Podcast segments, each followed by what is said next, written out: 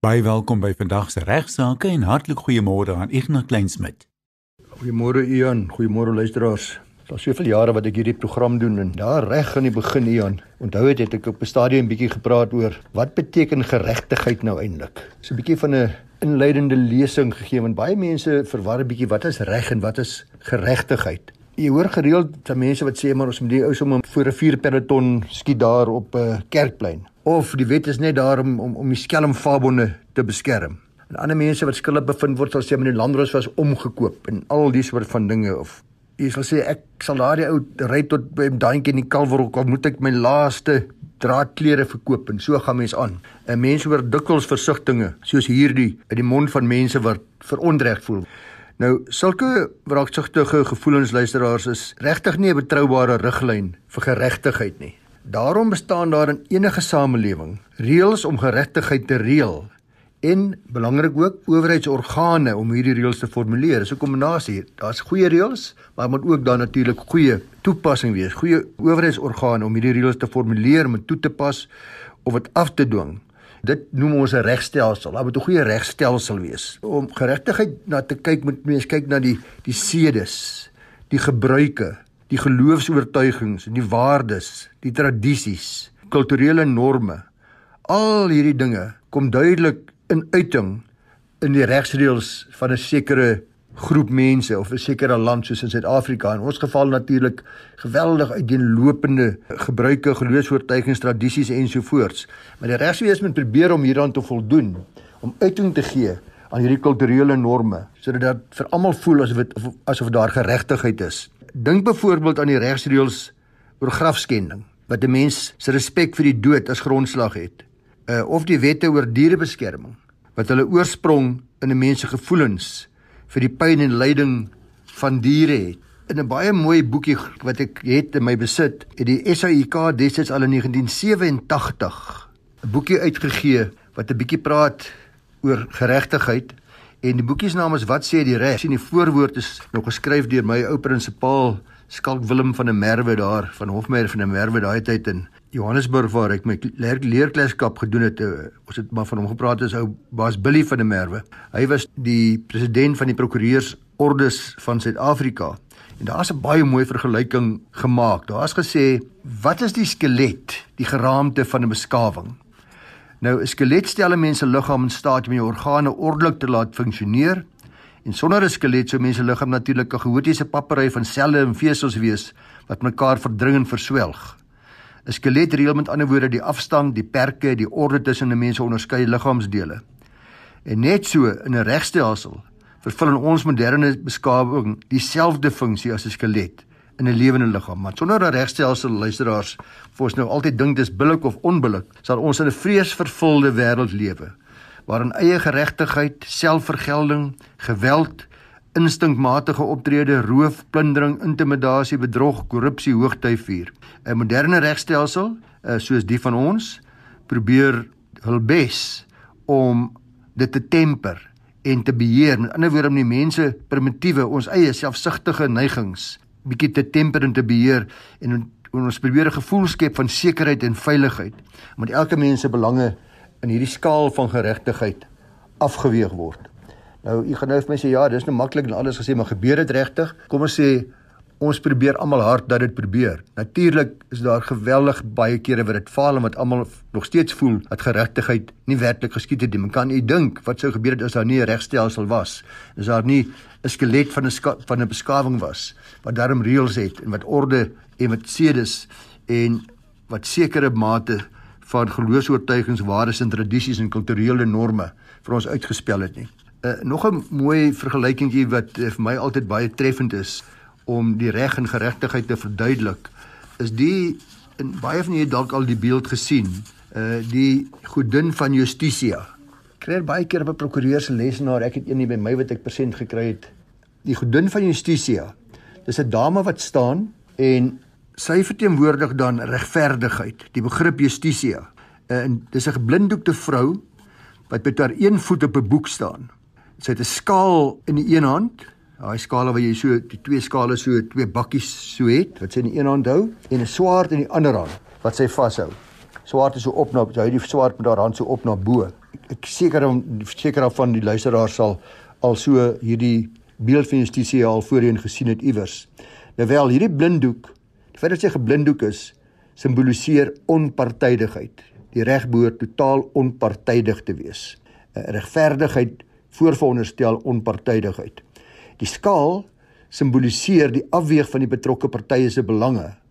Anderswoorde in siviele sake moet mens byvoorbeeld 'n saak bewys op 'n oorwig van waarskynlikhede. Watter kant toe gaan hierdie skaal nou swaai? Waar is dit meer waarskynlik of waar is dit minder waarskynlik? Die swaard simboliseer die gesag van die reg. Anderswoorde die sanksie van die reg. U en ek gaan tronk toe as ons iets verkeerd doen. Ons weet dit. Of die toepassing nou baie effektief is of nie, ons sien elke dag vir ons lewens sien ons dat mense tronk toe gestuur word of dat hulle gestraf word of beboet word, dat daar sanksie is en dat daar gesag van die reg is en dat mense nog steeds respek het vir die reg en vir die howe. En dan die boek self waarop sy staan, dit simboliseer natuurlik die kennis van die reg. En dan miskien net laastens uh dat wat interessant is vir ons hopelik vir u as luisteraars is dat ons het in Suid-Afrika 'n adversatiewe stelsel. Dis die hofstelsel wat berus op die sogenaamde adversatiewe stelsel deur ons van die Engelse reg oorgeneem. Dit werk maar eenvoudig soos volg dat elkeen maak sy beweringe of stel sy eise. Die ander party kan teenbeweringe maak of verweer daarstel. Elke party moet sy beweringe of teenbeweringe bewys volgens sekere bewysnorme wat ons nou al uitgewerk het in ons howe.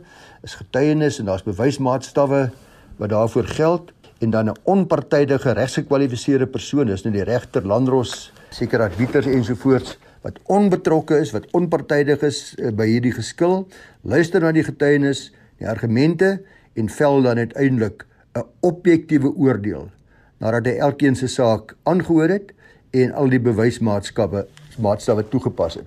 Dit is wat 'n adversatiewe stelsel is soos dit ons in Suid-Afrika het en wat in die grootste dele van die wêreld ook geld. Uh luisteraars, ek hoop uh dat ek vir ons 'n klein bietjie meer uh, insig gegee hoe belangrik ons regstelsel is en hoe belangrik dit is dat ons moet verstaan dat geregtigheid meer is as net reg. Ons het luisteraars sal onthou dat ek so paar weke gelede 'n vraag van 'n luisteraar geantwoord het oor die verjaring van verkeersboetes. Met ander woorde, hoe lank bly so verkeersboete staan? Hoe lank moet ek in spanning wag voordat ek dalk nog gearresteer gaan word of nie? Nou uh ek het toe baie gawe skrywe ontvang van 'n advokaat Christenus van der Vyver. Hy is daar van die kantoor van die direkteur van van openbare vervolging uh staatsadvokaat in die Wes-Kaap en hy sê hy is onder andere verantwoordelik vir die aspekte wat verband hou met die vervolgings van verkeersake. En hy verwys ook daarna dat daar nasionale forums is waar daar tegniese komitees is en hulle stel dan riglyne op waar volgens die wetstoepassing, aan die woorde nie die die regsvraag oor vir wanneer vir jare verkeersboetes nie, maar werklik die wetstoepassing daarvan en die daaropvolgende vervolgings dan gehanteer word. Hy sê dat ek is 100% korrek op alles wat ek gesê het en eh, wat betrekking tot die verjaring is van verkeersboetes, maar hy sê dat dis sodat Gevolge die algemene beginsels in die strafproseswet is verkeersake aan dieselfde verjaringstermyne as gemeenregtelike misdrywe in ons reg onderwerp, maar die vervolgingsgesag sê hy het praktiese riglyne wat hierdie sake wel anders hanteer. Anderswoorde die werklike wetstoepassing daarvan. In alle sake sê en dis belangrik waar die oortreding by wyse van 'n kamera opgeneem is, dit is ook die vraag van die luisteraar destyds, moet die dagvaarding moet die dagvaarding binne 18 maande op die geregistreerde eienaar of die bestuurder van die voertuig beteken word. Hy sê indien nie, dan verval daardie boete. So afgesien van al die termyne wat ek vir u laas gesê het in die baie baie jare, uh, sê hy nee, in praktyk doen hulle dit anderste. Hulle as hy hy moet binne 18 maande beteken word op die eienaar of die bestuurder anders verval daardie boete. In die Weskaap is dit 18 maande, maar daar's provinsies waarvan sy kollegas nog korter tydperke vasgestel het. So baie baie dankie daarvoor uh meneer van der Vyver. Ons uh, waardeer hierdie addisionele inligting. Luisteraars in 1998 sommige van u mag dit dalk onthou daar uh, een aand in September 'n orgie van geweld plaasgevind.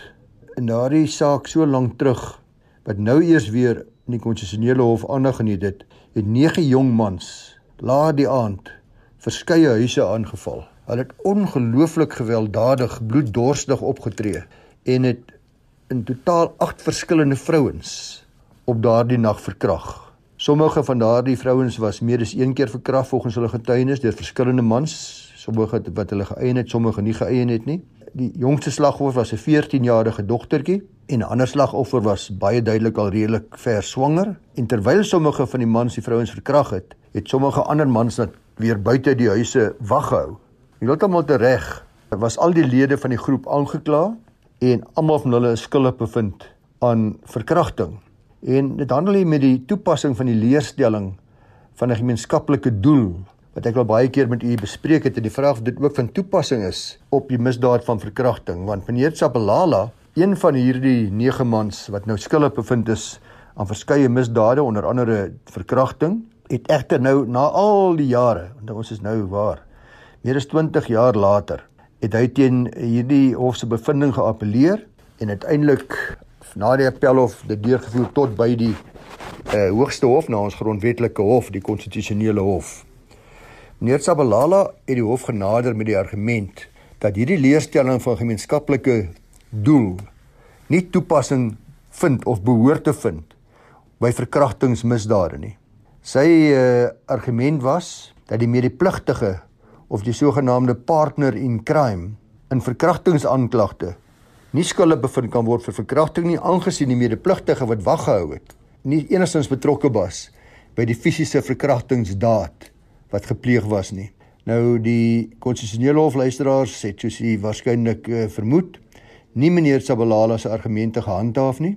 Die hof het bevind hierdie hele groep van 9 wat die verskillende mense aangeval en verkrag het as 'n een eenheid, as 'n groep opgetree het. Die hof het verder gegaan om te sê dat dit moeilik is om te glo dat die verkrachtings slegs die dade van sommige van die groepslede was en dat hierdie gedrag onverwags in buitebeheer van die ander lede was. Met ander woorde dat een of twee glad nie daaraan deelgeneem het nie. Moeilik om te glo, maar die hof sê dat selfs al was dit so, was al die lede van die groep het 'n gemeenskaplike doel gehad en het almal saamgewerk om daardie doel te bewerkstellig wat onder andere ingesluit het die aanranding en die verkrachtings van hierdie vroue. So die hof het ook klem geplaas luisteraars op die verwantskap tussen verkrachtingsmisdade en daarmee saam die dominering of dominasie die beheer het klem geplaas op die feit dat daar 'n verwantskap is wat hierdie dominering betref wat sonder twyfel meer en meer in vandag se gesinsgeweld en geslagsgeweld gesien kan word. Die hof het bevestig dat die leerstelling dus vir gemeenskaplike doel beslis toepassing vind op verkrachtingsmisdade, net soos dit toepassing vind in ander misdade soos moord, roof, aanranding ensovoorts. Jy luister na regsaake op RSG en hier is Ignas weer. Ons kan sekerlik nooit genoeg praat Ian en luisteraars oor gesinsgeweld nie.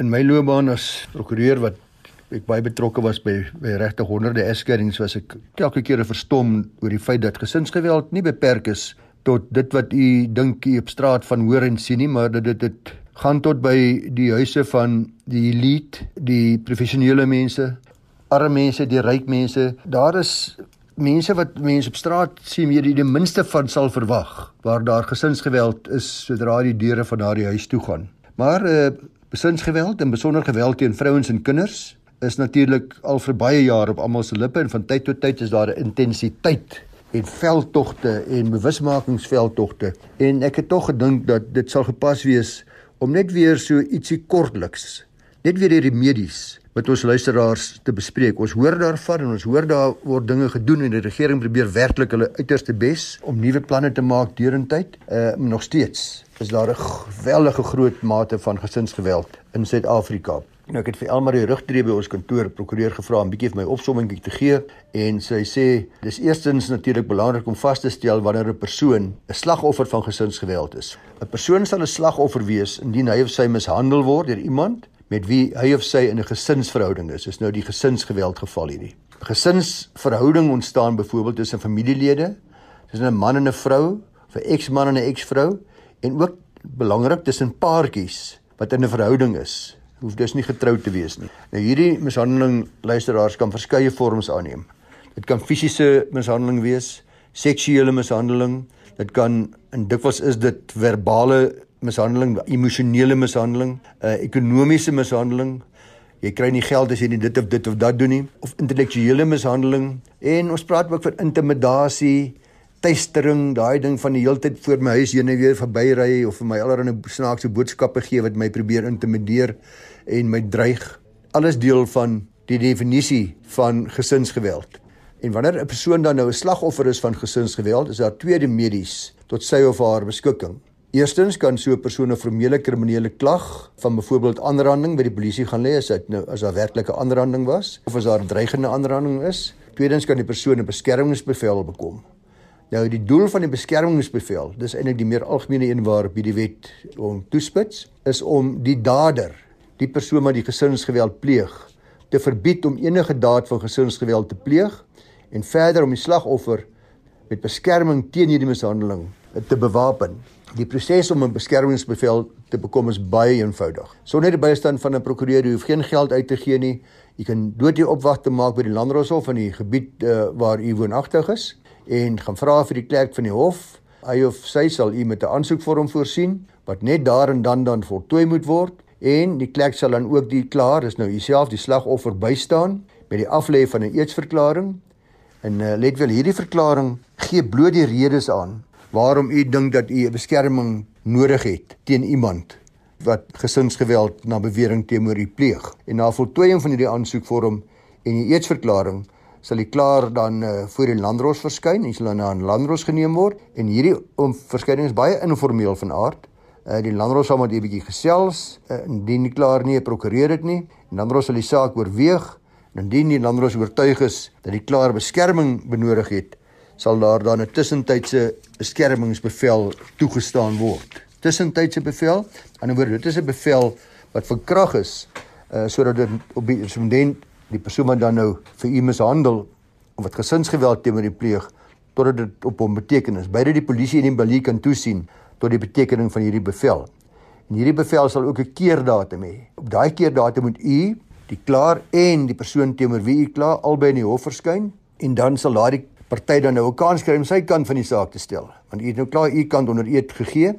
Albei partye sal dan vir die hof vertel en daarna sal die hof oorweeg of hierdie tussentydse bevel 'n finale bevel gemaak moet word. So die tussentydse bevel sal sê hierdie persoon mag nie meer naby u werk kom nie. Hy word verbied om met u kontak te maak, om telefonies te skakel, om vir u boodskappe te stuur of wat ook nogal. En dan sal die hof dan bepaal moet daardie bevel nou finaal gemaak word of moet daardie bevel tersyde gestel word omdat u dalk nie die waarheid gepraat het nie. Soos reeds genoem, verbied hierdie beskermingsbevel die respondent om enige daad dan van gesinsgeweld te pleeg. Maar daar's ook addisionele verligting wat die hof met so bevel kan toestaan. Soos byvoorbeeld kan die hof die polisie beveel om die respondent se vuurwapen van hom of haar af weg te neem. Want dis dikwels 'n probleem. Die vuurwapen sal dan by die polisie gehou word vir die tydsduur wat die hof goed dink en sal eers aan die eh, persoon wat die houer van die vuurwapen was teruggegee word wanneer die hof dit beveel. Nou die hof sal nogal dikwels so bevel gee wanneer daar gedreig was met die dood of wanneer daar vuurwapen gerig was tydens hierdie mishandeling en hierdie gesinsgeweld. Nog 'n voorbeeld van addisionele verligting wat die hof kan gee, is 'n bevel vir geldelike vergoeding, geldelike noodbystand. Dis byvoorbeeld vergoeding vir verliese gelei deur die klaar as gevolg van die gesinsgeweld, skade wat aangerig is aan haar klere, aan haar meubels of wat ook nog dit mag wees. Waar 'n persoon uit die huis moes vlug as gevolg van die geweld en vir alternatiewe akkommodasie moes betaal. Die hof kan dan beveel dat uh, hierdie persoon die skuldige dan nou dat daardie addisionele akkommodasie aan haar terugbetaal moet word deur hom. En nog 'n voorbeeld is wanneer 'n persoon sy haar inkomste verloor, aangesien hy sy nie kon werk toe gaan nie, as gevolg van die beserings wat opgedoen is tydens die gesinsgeweld, die blou oë, die merke, ag ensovoorts. Die geldelike verlies wat gelei is, kan ook dan met 'n geldige bevel vir geldelike bystand geëis word. Belangrik luisteraars moet onthou dat daar 'n skakel moet wees tussen die gesinsgeweld en die verlies wat gelei is. Uh, daar kan ook slegs vir vorige of huidige verliese geëis word. Toekomstig verlies ongelukkig nie. Die hof sal ook nie met nie net hierdie bevel toestaan wanneer dit gevra word nie. Dis om nie net goedsmoeds nie. Uh, volgens die wetgewing moet die hof eers 'n bietjie oorsig hê oor beide partye se finansiële posisie alvorens so bevel toegestaan word. En die klaar by die hof ook kan oortuig dat daar werklike geldelike verlies was. Terloop so bevel vir geldelike noodbystand het dieselfde effek as 'n bevel in die Landroshof en kan dus bewyse van 'n dasbrief vir eksekusie afgedwing word op op enige ander invorderingsaksie. Dis ter samevatting luisteraars, daar's verskeie stappe wat u kan neem vir slagoffers van gesinsgeweld en ek dink alle prokureurs moedig u asseblief aan om van hierdie remedies en verligting gebruik te maak.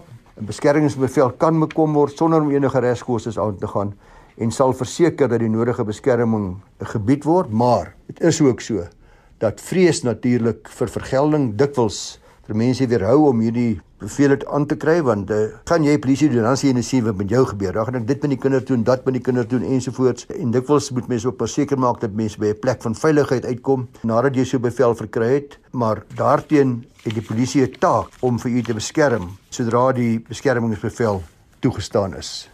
Ons ontvang baie skrywes oor uh testamentêre trusts en boedels en verskillende probleme daarmee en heelwat van hulle verwys ek na Volker, maar hier is 'n redelike algemene vraag wat ek dink ons weer 'n keer net na kan kyk vinnig. Dit is die vraag van Louis Coetzee wat sê hy dink daaraan om 'n testamentêre trust op te stel. Dan vra hy hoeveel koste is daaraan verbonde en belangrik, kan ek hom kanselleer soos en wanneer ek wil? Volker sê dat 'n testamentêre trust is een wat gestig word in gevolg van 'n testament van die oprigter na sy afsterwe. 'n Tipiese voorbeeld van 'n testamentêre trust is een wat ons al baie bespreek het, dis waar vir minderjarige kinders voorsiening gemaak word. Die testament bepaal dat minderjarige erfgename nie self die geld mag ontvang nie, eh, maar dat die erfporsie aan 'n trust oorgelaat word. Dis ook 'n manier natuurlik om die kinders teen hulle self te beskerm. Die relevante bekommernis is dat die minderjarige kinders nie die erfporsie verantwoordelik gaan gebruik nie. Eh, ag en selfs meerderjarige kinders. En as daar 'n trust is, dan kan die trustees dan eerder die fondse verantwoordelik aanwend tot voordeel van die kinders vir onderhoud, opvoeding, opleiding ensovoorts sodat hulle oud genoeg is om dit verantwoordelik te doen of totdat uh, die trust sê wanneer hulle die geld kan kry. En wanneer is hulle oud genoeg? Deesdae is 'n mens al met 18 jaar meerderjarig en dan kan jy stem en jy kan kontrakte aangaan. Uh die meeste mense voel dat iemand op 18 jarige ouderdom nog nie die nodige vaardighede het om fondse uit 'n trust verantwoordelik te bestuur en vir hom of haarself aan te wend nie. Nou u almal wat 18 jarige kinders het, sal waarskynlik 99% hiermee saamstem. Gewoonlik en ek weet nie waar die magiese ouderdom vandaan kom nie, maar 25 jarige ouderdom word gewoonlik as 'n sinvolle kerf gesien. Sommige mense maak dit selfs 30 Hier by ons by Van Velden Duffy is dit normaalweg 25 jaar wat mense sê goed dan mag die die begunstigde van 'n trust dan ook uh, kapitaal kry in sekere omstandighede. Baie trusts natuurlik uh, gaan baie langer aan as dit as, as gevolg van verskeie redes. Nog 'n vraag is nou natuurlik wie jy as trustees behoort te benoem. Nou hulle gaan nogal 'n baie belangrike rol speel in die minderjarige kinders se lewe want hulle normaalweg wye diskresie het oor hoe die trustfondse aangewend moet word vir die kinders. Sommige mense verkies familie, soos broers, susters. Ander sal dalk eerder 'n onafhanklike persoon soos 'n finansiële adviseur kies, uh, of 'n ouditeur of 'n prokureur en dan ook dalk 'n familielid as voog. In in die meer groter trust sal jy kry dat daar ook 'n uh, 'n hele groepie trustees van verskillende kundighede het aangewys word as trustees saam met van die begunstigdes. En nog 'n voorbeeld van 'n testamentêre trust is waar 'n erflater vir 'n geestesgestremde of 'n dwelmverslaafde byvoorbeeld erfgenaam in 'n trust voorsiening maak. En wat die luisteraar se vraag oor die kostes aanbetref, die volgende. In ons firma spesifiek en ek dink in die meeste prokureursfirmas word daar geen addisionele kostes gevra vir die registrasie van die testamentêre trust by die meester nie. Dit word beskou as deel van die boedelbrederingsproses en sover my kennis trek, het ander eksekuteure en boedelbrederaars dieselfde houding. Die trustakte op sy eie as sulks wat later dan ook gebruik moet word om die trust te registreer, word klaar by die testament aangeheg, word uiteengesit. In 'n woorde, dit is tipies deel van die opstel van 'n testament. En die koste om die testament op te stel is normaalweg nie veel nie en daarbey word dan gevoeg die kostes om hierdie trustakte op te stel. En 'n goed opgestelde testament kan baie baie kopseere verhoed. En ons praat regtig nie van duisende duisende rande nie. Dit gaan maar afhang van die ingewikkeldheid van u situasie, die vereistes wat jy het vir die trust. Die normale eenvoudige testament met die eenvoudige trustakte daarbey, eh, dit is regtig nie baie geld nie en soos jy weet, een keer 'n jaar deur middel van die prokureursorde is baie prokureurs bereid om dit vir u gratis op te stel. Dis in elk geval 'n uitgawe dink ek wat elke erflater hoort aan te gaan. Wat die testamente week betref wat ek pas vir u van vertel het waar u testament gratis kan opstel, is hierdie jaar vanaf 26 Oktober. Vanaf 26 Oktober kan u met u prokureur skakel en hoor of hy of sy deel is van hierdie testament nie. Ek almal is nie deel daarvan nie, maar baie is en dan kan u gaan na daardie prokureurs en hulle gaan dan vir u gratis 'n testament opstel. Dit dit wel hierdie is nie vir ingewikkelde boedelbeplanningssessies nie. Dis vir die opstel van 'n normale testament. Waar jy nie 'n testament het nie of net uh, basiese wysigings wil dit aangaan.